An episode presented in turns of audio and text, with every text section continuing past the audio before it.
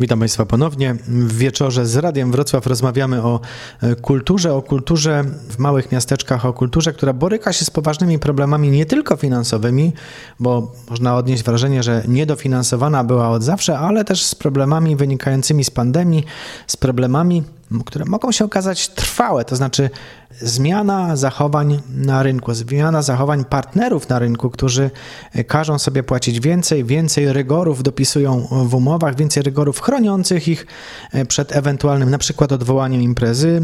Krzysztof Korzeń, czy na zamku we Wleniu macie takie problemy? Organizujecie imprezy, organizujecie wycieczki, ale przeróżne inne wydarzenia. Zmieniło się o tyle, oczywiście mówiliśmy o tych problemach różnych, ale zmieniło się o tyle, że struktura jakby zwiedzających się zmieniła.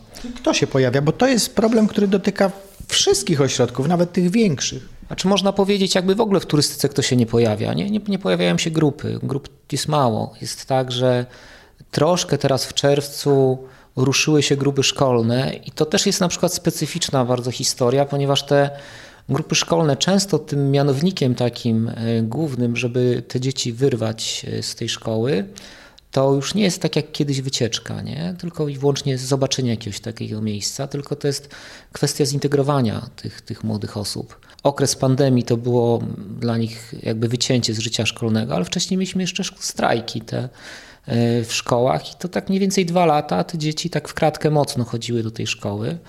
No ale na razie jakby tych grup za dużo nie ma, ale na pewno pod względem w ogóle zwiedzania jakichkolwiek obiektów, czy czegokolwiek, czy w ogóle wycieczek organizacji, to wydaje mi się, że przyszłość ma taka turystyka indywidualna, czyli osoby, które same odwiedzają. Wycieczki takie grupowe może wrócą, ale też jakby ufność e, cały czas jest mocno, mocno zachwiana, bo z perspektywy wycieczki grupowej to jeszcze jak mamy na świeżym powietrzu, to ok, no ale jednak te grupy muszą się przemieszczać. Jest teoretycznie zwolniony już zupełnie ten obowiązek obłożenia połowy miejsc w autobusie, ale i tak nie ma jeszcze takiej otwartości, żeby wziąć, wsiąść do tego autobusu. E, też się pojawiają jakby kolejne historie takie, no jak wsiadamy, to z kim? Czy kierowca musi być zaszczepiony, czy nie musi być zaszczepiony? Więc te pytania, pomimo tego, że formalnie nigdzie nie jest to określone, to jednak się pojawiają, a ze strony odpowiedzialności szkół za e, no, coś takiego jak wycieczka, to myślę, że jeszcze długo takiej, takiej otwartości na to nie będzie. Więc to są kłopoty tutaj pod względem takim, jak, jak wracając do tego pytania, pod względem jakby finansów, to jasne, ok, to jest naturalne i to jest kwestia nawet takich, że nie wiem, paliwo, media, wszystko podrożało, więc pewnie jak się będzie organizować jakieś większe imprezy, to trzeba już zakładać być może, nie wiem, 20% y, większe te budżety, ale wydaje mi się, że to, co też mówiliśmy tutaj, że z perspektywy planowania, zaproszenia, obłożenia, no i później czegoś takiego sensu, nie? Czy ilość pracy, która się wykonało, spowoduje to, że po prostu ktoś na to przyjdzie, nie? Bo tak naprawdę z perspektywy dzisiejszej to można planować na, na najbliższe dwa tygodnie, ale co już będzie w lipcu, a co w sierpniu? Czyli mamy e, zmiany, jeśli chodzi o sposoby finansowania, zmiany, jeśli chodzi o zachowania. Bernadetta Szewczyk, e, jakie jeszcze zmiany widać? Rzeczą nową, która się pojawia, to to, że y, goście przyjeżdżają na dłużej. To nie są pobyty jedno lub dwudniowe, ale to są kilkudniowe, nawet tygodniowe. To jest taka wielka potrzeba na y, powrót do natury. To jest ciekawe, bo wydawałoby się, że bezpieczne, szybkie wypady. Nie, właśnie nie.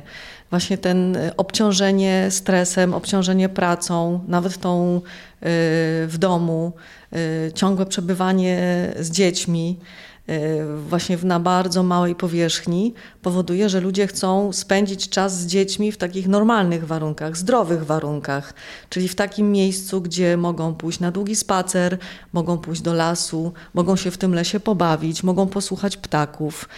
To jest właśnie taki dla nich reset.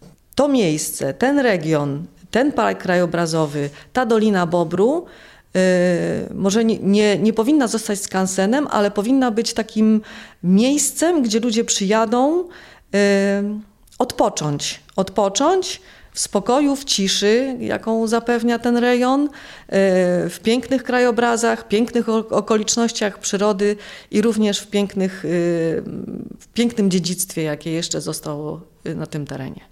Dotknęliśmy odwiecznego problemu dotyczącego turystyki, czy masowa i na bogato, czy indywidualna i specjalistyczna. E, zawsze i każde z rozwiązań niesie ryzyka. Za chwilę poszukamy recepty na, na przyszłość, na ten najbliższy rok, a może najbliższe pół roku tylko. Do usłyszenia.